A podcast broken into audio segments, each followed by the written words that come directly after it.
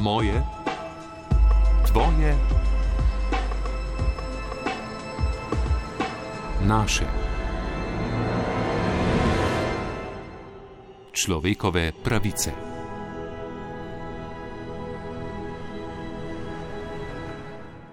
Načelno torej ne bi smel biti nihče brez državljanstva, vendar v praksi to ne drži vedno. Direktorica za kampanje in komunikacijo v Amnesty International Slovenije Metka Naglič. Državljanstvo je zelo pomembna pravica.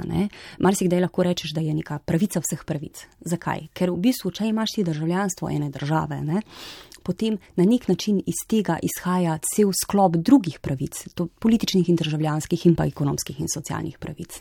Direktorica Mirovnega inštituta Neža Kogovšek Šalamon pravi, da se državljanstvo v resnici še vedno obravnava kot privilegij, ne kot pravica. Specifika pravice do državljanstva je v tem, da ni istožljiva. Se pravi, splošna deklaracija človekovih pravic je eden od redkih mednarodno pravnih dokumentov, ki jo sploh določa, ampak problem je v tem, da ni pravno zavezujoča.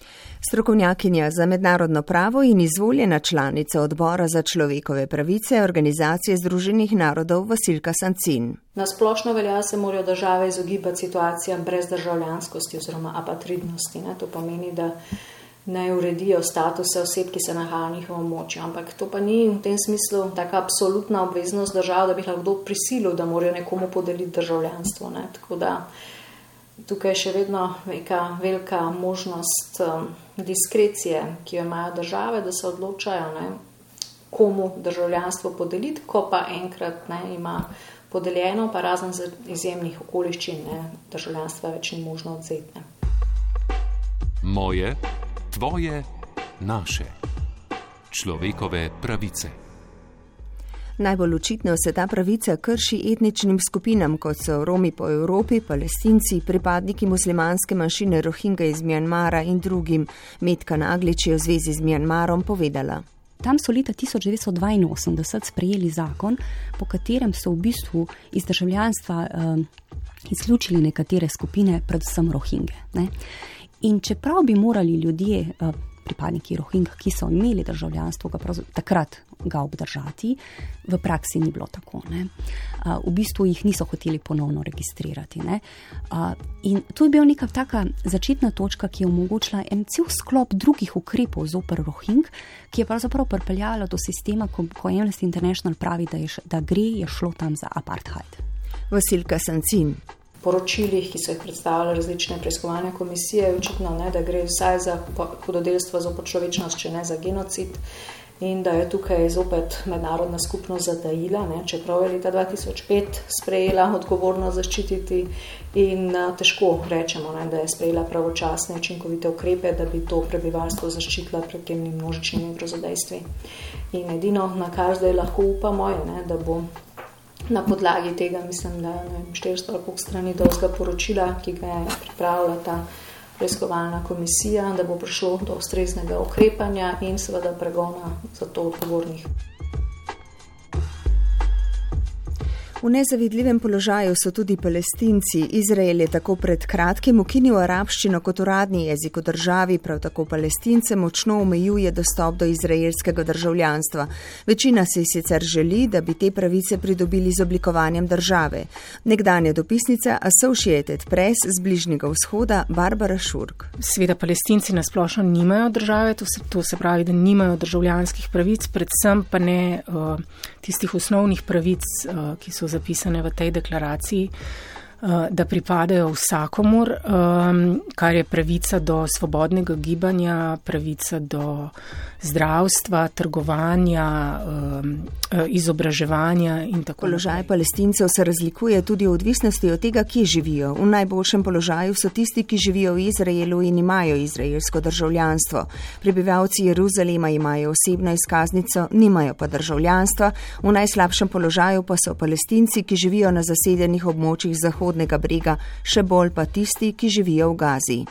Njim državljanstvo palestinske uprave, ki ga imajo, ne pomaga nič, ker ko si enkrat v Gazi, nimaš, ne moreš nikamor, razen v morje. Pa še v morje ne moreš, če želiš loviti ribe. Skratka, to je eno tako območje ob morju, ki je popolnoma odvisno od hrane in, in, in mleka in elektrike in um, vode. Vse prihaja iz Izraela in vse je za, hermetično zaprto. Položaj palestincev skrbi tudi glasbenike. Slovenski reper, bloger in kolumnist Miha Blažič je eden izmed podpisnikov bojkota izbora pesme za Eurovizijo 2019 v Izraelu.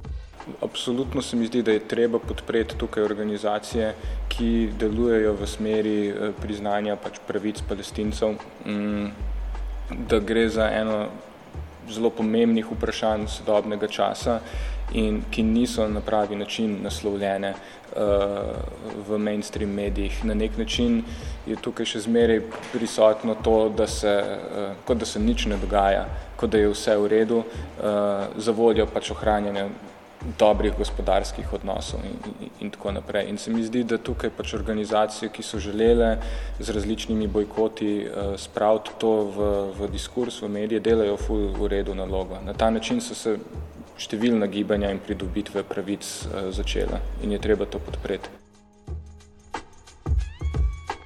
In kako je s to pravico pri nas, Niža Kogovšek?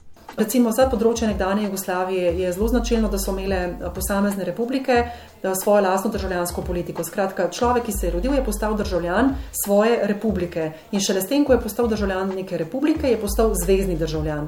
In ker so bile te državljanske politike med seboj nekoliko neusklajene, je potem ob razpadu Jugoslavije prišlo do apatridnosti. In nekat, torej, apatridnost pomeni brez državljanstva, da oseba ostane brez državljanstva. In uh, to se je recimo lepo pokazalo v Sloveniji tudi pri nekaterih izbrisanih, ker so nekateri izbrisani ob tem, da so bili izbrisani torej iz registra stalnega prebivalstva, so po neki, po, zaradi delovanja nekih drugih pravil na področju državljanstva, pa hkrati postali tudi apatridi. Tako da so bili v bistvu v še slabšem položaju kot izbrisani na splošno. V Sloveniji je sicer majhno število apatridov, po podatkih Agencije Združenih narodov za begunce pa jih je po vsem svetu več milijonov. Ob 70-letnici splošne deklaracije človekovih pravic na prvem Zrajko Pervanje in Amnesty International Slovenije. Tonska izvedba Damjan Rostan.